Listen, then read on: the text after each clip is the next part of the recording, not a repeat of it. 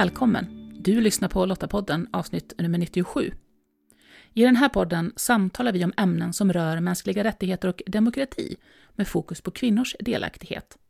Och det är ju jag, Maria Öst, tillsammans med personer som på olika sätt arbetar för att skapa ett säkrare och tryggare samhälle.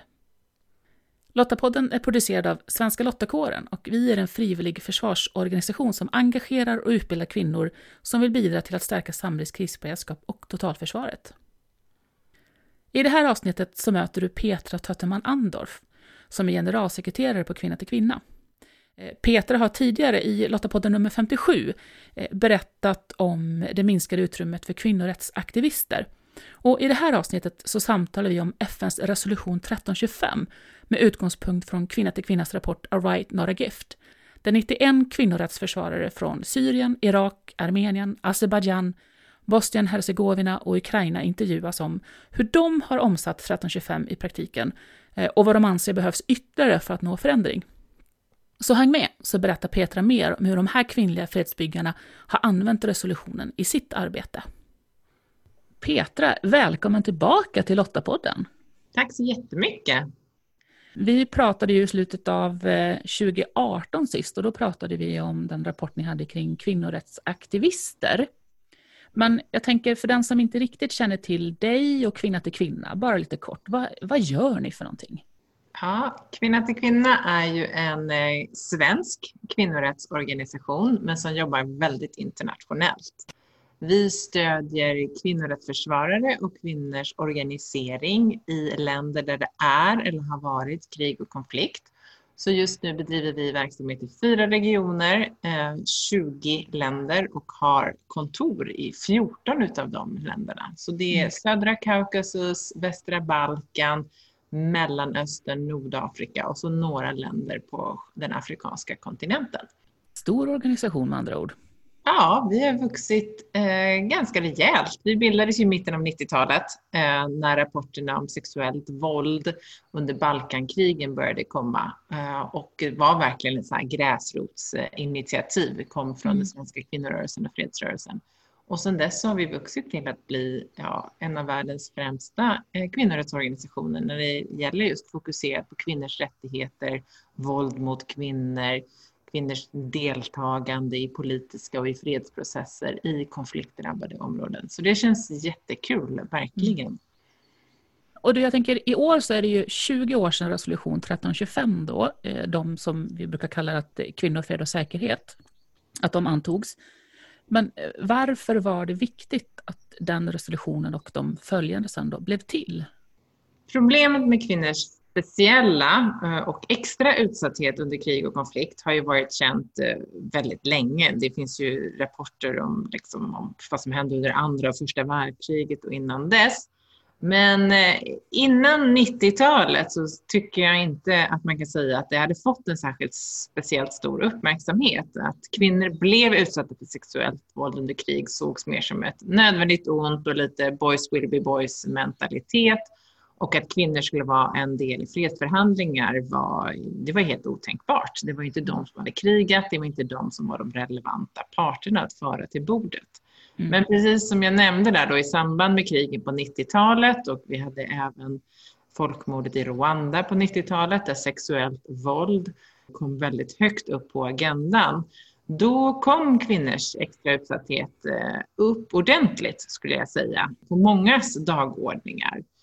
Eh, och eh, att då vid millennieskiftet, där precis år 2000, för det var ju då resolution 1325 eh, blev antagen av ett enigt säkerhetsråd, det var en stor bedrift. Det, det är ett tungt internationellt dokument, en säkerhetsrådsresolution. Och då att mm, säkerhetsrådet som är det internationella samfundets högsta eh, organ, skulle jag säga, när det rör säkerhetspolitiska frågor. Att de då antog ett dokument som adresserade problemen var ett stort, en stor framgång mm. för de som, alla som arbetade med kvinnors utsatthet i krig och konflikt. Och tanken var ju då att den här resolutionen skulle öka kvinnors delaktighet i fredsarbetet, både, både det förebyggande men också då i just um, att vara med i fredsprocesserna. Men har det blivit så då under de här åren? Ja, alltså om man tittar på kvinnors deltagande i fredsförhandlingar liksom, och räknar siffror så ser det fortfarande ganska dystert ut eh, i praktiken, även om frågan lyfts väldigt ofta internationellt. Eh, statistik eh, visar på att mellan 1990 och 2017 så var det bara 8 procent kvinnor som var mm. fredsförhandlare och bara 20 procent av fredsavtalen nämnde överhuvudtaget kvinnor och flickor. Men om man liksom ser lite bredare på den, som, som du ställer frågan, kvinnors delaktighet i fredsarbete, så vet ju vi att kvinnors fredsarbete är så otroligt mycket mer än att delta i de officiella fredsförhandlingarna, liksom så kallade track one. Avtalen skrivs eh, på den nivån, men vi vet att de implementeras och efterlevs eller inte efterlevs på vad man brukar kalla då för track 2 och track 3 som är andra nivåer i fredsförhandlingar då som sker på regional eller national och, och eh, lokala nivåer. Och kvinnor står för en väldigt stor del av det lokala fredsarbetet och ser till mm. att vardagen fungerar under konflikt. Och eh, där kan vi se, det finns ett flertal exempel. Kvinnor driver kampanjer om att minska antalet handelsvapen, små lätta vapen i hemmen. Kvinnor väldigt ofta ansvariga att se till att barn kan fortsätta undervisas hemma mitt under brinnande krig. De har kontakter i lokalsamhället och kan påverka lokala ledare till eldupphör eller att komma till förhandlingsbordet. De ordnar manifestationer och sittstrejker för att få slut på strider och där har vi ett väldigt känt exempel i Liberia där mm. kvinnorörelsen verkligen tog ett aktivt kliv in för att få slut på det inbördeskriget. I vår nya rapport eh, så visar vi också på hur kvinnor deltar i lokala förhandlingar för att få personer frisläppta eller för att få fram humanitär hjälp eh, till behövande. Mm. Så eh, absolut, kvinnor är deltar men inte på alla nivåer och inte så mycket som självklart skulle ha varit eh, önskvärt. Mm. Så fortfarande en hel del att göra helt enkelt? Ja, absolut. De mm. patriarkala strukturerna finns kvar även mm. när det kommer till säkerhetspolitiken, eller kanske framför allt när det kommer till eh, säkerhetspolitiken. Mm. Och I en ny rapport som ni har släppt nu så har ni intervjuat 91 kvinnor i konfliktländer om just deras involvering i fredsarbete. Och vad är det de lyfter fram? Ja, de lyfter fram eh, massor med saker såklart. Men en, just relaterat till 1325 och resolutionen och kvinnor, fred och säkerhetsagendan eh, så kan vi se att kvinnor på eh, lokal nivå, fredsbyggare, har verkligen använt sig av agendan. Men självklart har de ju också sett ett flertal hinder. Mm. Och det är ju så att liksom VPS-agendan, som vi lite slarvigt kallar den då, som står för Women, Peace and Security, kan ju inte på egen hand förändra världen. Men kvinnorna lyfter fram tre områden eh, som de tycker att den har fungerat eh, bra.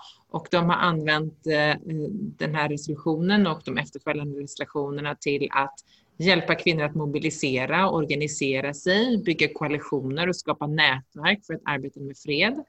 De har också uh, använt agendan för att komma på att, vad de ska prioritera. Mm. Hur de ska utveckla strategier och vilka strategier för att nå de målen de sätter upp. Och de tycker också att, uh, att resolutionen och de efterföljande uh, resolutionerna har hjälpt till i förmågan att bygga fred och har hjälpt dem att se att, de, att kvinnor har rättigheter mm. eh, och att en möjlighet att delta i ett fredsarbete. Det är liksom inte bara att de gör det som en ynnest på männens villkor. Mm. Och det är där vi har fått vår titel ifrån också på den nya rapporten. Den heter A right not a gift. Mm. Det är då en del av ett citat från en syrisk fredsaktivist som intervjuades och hon sa att Women need to know that participation is a right and a duty towards her country and not a gift given by men. Mm. Så det, jag tycker det är, en väldigt, det är väldigt tydligt att peka på. Men som sagt var, många av de kvinnor vi intervjuar säger också att agendan ibland känns tandlös, eh, mm. att det främst är en pappersprodukt och att även om många länder på pappret har ambitiösa så kallade nationella handlingsplaner för att genomföra resolutionens alla punkter, så finns det ingen budget och den politiska viljan saknas egentligen. Vilket betyder att det, inte, det händer inte så mycket som eh, man skulle kunna önska. Mm. Och, och, vad beror det på då? Som, varför finns inte viljan eller resurserna att, att verkligen jobba med det då, som man har sagt att man ska? Ja, om man ska ta ett enkelt svar på den så är det väl patriarkala strukturer. Mm. Och det skulle jag säga, det är, väl, det är det största hindret mot kvinnors deltagande inom alla sektorer i samhället, inte bara i, i den säkerhetspolitiska delen. Och självklart så kan ju inte VPS-agendan skrivas så att den hanterar liksom det gigantiska problemet som patriarkatet innebär. Eh, men vi ser ändå, och efter samtal med de här 91 kvinno, eh, fredsbygg, kvinnliga fredsbyggarna, så hade, har vi tre exempel på hur agendan skulle kunna förändras på ett mm. konkret sätt som adresserar delar av det här problemet. Och den första frågan som kvinnorna förde fram är att kvinnor saknar ekonomiskt inflytande. Mm. Ofta på grund av diskriminerande lagstiftning vad gäller arvsrätt, att rätten att äga mark och fastigheter och här menar de kvinnor som vi intervjuar att det här skulle kvinnor, freds och säkerhetsagendan kunna uppmärksamma mycket mer. Den andra punkten som de eh, för upp som förslag på förbättringsområde är att, att uppmärksamma mer hur kvinnliga fredsbyggare begränsas av det krympande utrymmet för demokrati och yttrande och mm. Eh, civilsamhälle. Mm. Det som kallas för shrinking eh, civic space. Och eh, det här är ju någonting som har blivit väldigt uppenbart nu med tanke på covid-krisen. Hur eh, inte bara auktoritära stater utan att stater eh, använder den här situationen för att begränsa civila samhällets och hela samhällets möjlighet till rörelsefrihet och yttrandefrihet. Och absolut i, många fall med, med good intentions Eh, men självklart så finns det en stor röd varningsflagga på vad händer om länderna inte tidsbegränsar de här åtgärderna som de mm. gör och vad kan hända om de inte går tillbaka. Mm. Så det är ett viktigt område. Och den tredje eh, förbättringsområdet eller förändringsområdet som de kvinnorna vi pratar med gärna skulle vilja se inom VPS-agendan är relaterat till våldsam extremism. Mm. Och det vet vi i konfliktländer att våldsam extremism är och har varit under lång tid ett stort hinder för kvinnors fredsarbete. Och det problemet har inte uppmärksammats tillräckligt internationellt. Mm. Kvinnorättsförsvarare har inte fått tillräckligt med stöd och hjälp för att bekämpa våldsam extremism i sina lokala samhällen eller i sina länder. Trots att de på en daglig basis utför ett enormt arbete med att motverka våldsam extremism eh, men får väldigt sällan erkännande för det. Och här skulle eh, kvinnofreds och säkerhetsagendan kunna lyfta och erkänna det arbetet på ett helt annat sätt. Mm. Och så skulle jag också vilja lägga till, som väl på sätt och vis länkar till den första punkten och det handlar om korruption. Mm. Eh, och det är eh, en av de vi intervjuar eh, som tar fram det från Irak som för fram det. Vilket otroligt hinder korruption är för kvinnors fredsarbete i många länder. Och då säger kvinnorna från Irak som intervjuas i rapporten att korruptionen är på många sätt och vis ett större hot mot freden än terrororganisationen IS eftersom mm. korruptionen genomsyrar hela samhället och mm. inte bara eliten.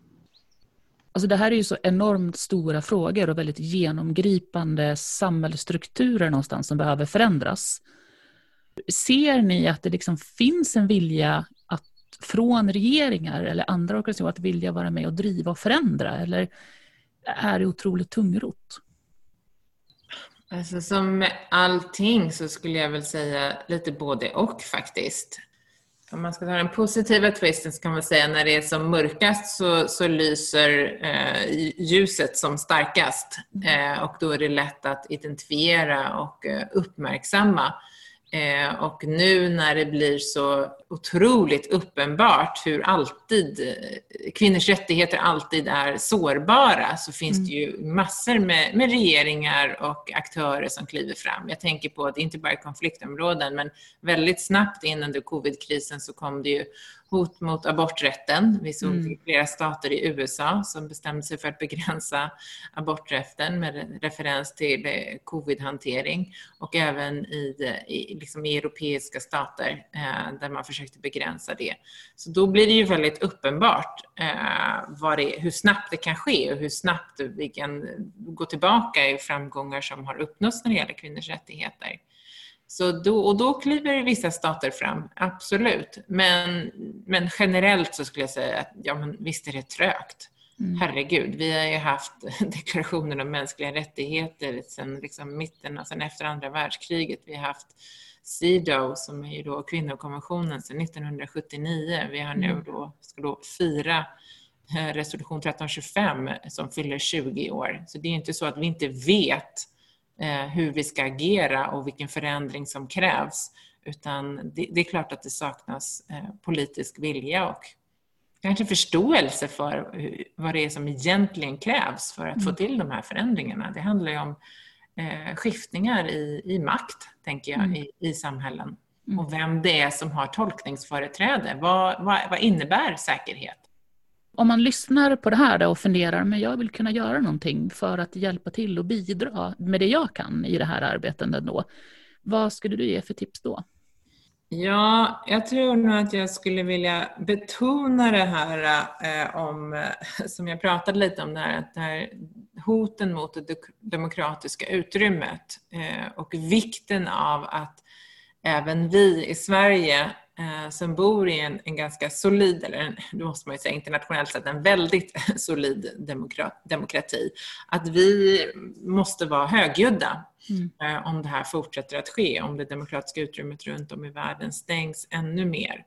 Utan, och det handlar ju, precis som jag sa, inte bara om utsatta länder som är i konflikt, utan också stora och mäktiga länder som uppvisar de här trenderna. Och till exempel USA, Brasilien och Indien. Och det här liksom, ja, I USA blir det ju så bluntly clear när man har mm. en president som gång på gång eh, attackerar, inte ens bara kritiserar, utan attackerar den fria media och pressen. Mm. Eh, och det är otroligt farlig eh, utveckling.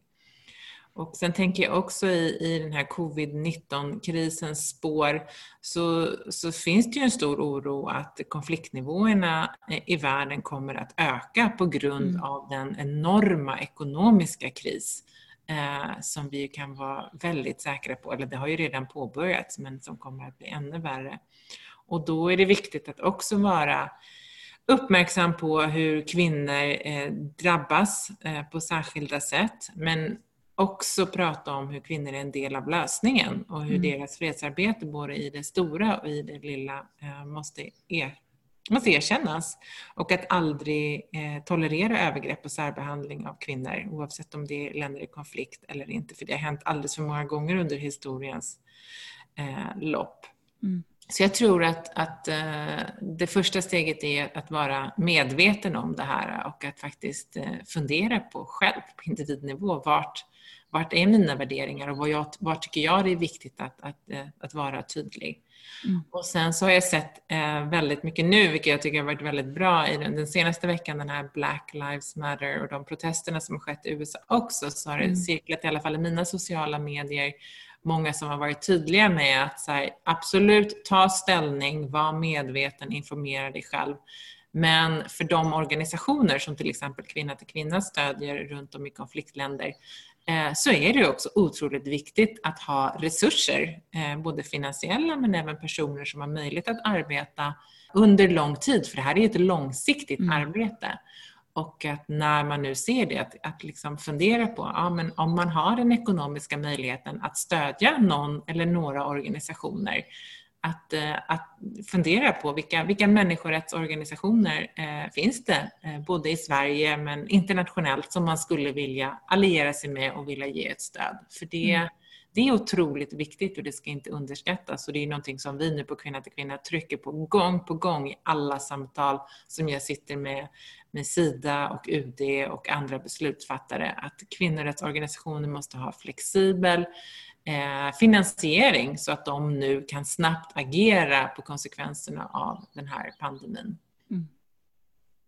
Men framförallt var, var uppmärksam. Det är väl det, tror jag. För det kan gå så himla snabbt. Och det mm. kan hända. Det händer i Europa och det kan hända i Sverige också. Så vi får inte mm. på något vis tro att, att alla de framsteg som kvinnorörelsen eh, har tagit har jobbat för under många, många år, att de är självklara. Det har vi sett allt för ofta runt om i världen, att det kan gå, backlashen kan komma snabbt eh, och slå till hårt. Så där måste vi vara, tycker jag, solidariska i den internationella eh, kvinnorörelsen med varandra och vara uppmärksamma och ha varandras rygg, helt enkelt. Definitivt, det håller jag verkligen med om. Eh, och nu om, som du säger, om inte nu den när ska vi göra det annars? Liksom? Så när det svajar behöver vi hålla varandra lite extra om ryggen helt enkelt. Absolut. Men Petra, tack så jättemycket för att vi fick eh, ta lite tid att prata med dig om de här viktiga frågorna och få en större förståelse över just vikten av eh, att vi alla är med och bevakar och eh, att vi håller varandra om ryggen helt enkelt, speciellt nu i de här tiderna.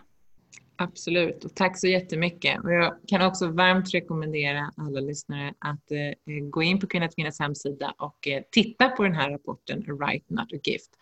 För även om det ser väldigt mörkt ut på många sätt så finns det ingenting som är mer inspirerande än att läsa om alla dessa fantastiska kvinnor och flickor som varje dag i sina eh, lokala kontexter arbetar för sina och sina systrars och mödrars och andra kvinnors och flickors rättigheter. Det är verkligen en energiboost eh, och väldigt, väldigt inspirerande. Så det kan jag varmt rekommendera. Förändring är ju svårt, speciellt när det påverkar maktstrukturer. Men det är ändå skönt att höra att även om det såklart finns arbete kvar att göra så har det skett förändring. Och som Petra lyfter så är det så viktigt att vi nu inte släpper greppet utan fortsätter arbeta för att kvinnors rättigheter ska tas på allvar. Och så otroligt superviktigt att bevaka att det demokratiska utrymmet inte minskar. Och det gäller verkligen inte bara utanför Sveriges gränser, utan även i vårt samhälle så behöver vi varje dag stå upp för våra demokratiska värderingar. Det tror jag att du håller med mig om. Länk till mer information relaterat till det vi samtalat om i det här avsnittet, det hittar du på lottapodden.se. Och om du, precis som Svenska Lottakåren, tycker att fred, demokrati och mänskliga rättigheter är värda att försvara och du vill vara med och bidra till vårt samhälles krisberedskap och totalförsvar, ja men gå då till svenskalottakåren.se. Där hittar du information om hur just du kan bidra. Nästa avsnitt av Lottapodden kan du lyssna på om två veckor, den 9 juli. Och då möter du generalmajor Lena Hallin som är chef för den militära underrättelse och säkerhetstjänsten, MUST känslan av att eh, kunna vara med och bidra till någonting som jag tyckte då och fortfarande tycker är väldigt viktigt, det vill säga att kunna värna vår demokrati och vår frihet på flera olika sätt vara Försvarsmakten är en, en viktig del utav det. Och att kunna få vara med och bidra till det är för mig väldigt viktigt. Det kan man göra inom många olika områden, mm. men för mig har det blivit Försvarsmakten och, eh, och jag har trivts väldigt bra i Försvarsmakten under den här tiden och, och det har ju skett mycket förändringar under alla dessa år som jag har jobbat naturligtvis med med olika eh, inriktningar i försvarsbeslut och uppgifter och så vidare. Men den kärnan på något sätt för mig, vikten av att, att vi har en försvarsmakt och, och utifrån att också kunna bidra till Sveriges eh, frihet och oberoende har varit väldigt viktigt. Och det har väl varit det på något sätt som är drivkraften att, att eh, få vara med och, och bidra till det och på det sättet göra nytta. Så om du inte redan gör det, prenumerera gärna på Lottapodden för att säkerställa att du inte missar nästa avsnitt. Du hittar podden i Apple Podcast, Podbean eller på Spotify. Och om du gillar Lottapodden, berätta gärna för andra om den så att fler hittar oss. Och tack för att du lyssnar. Hej så länge!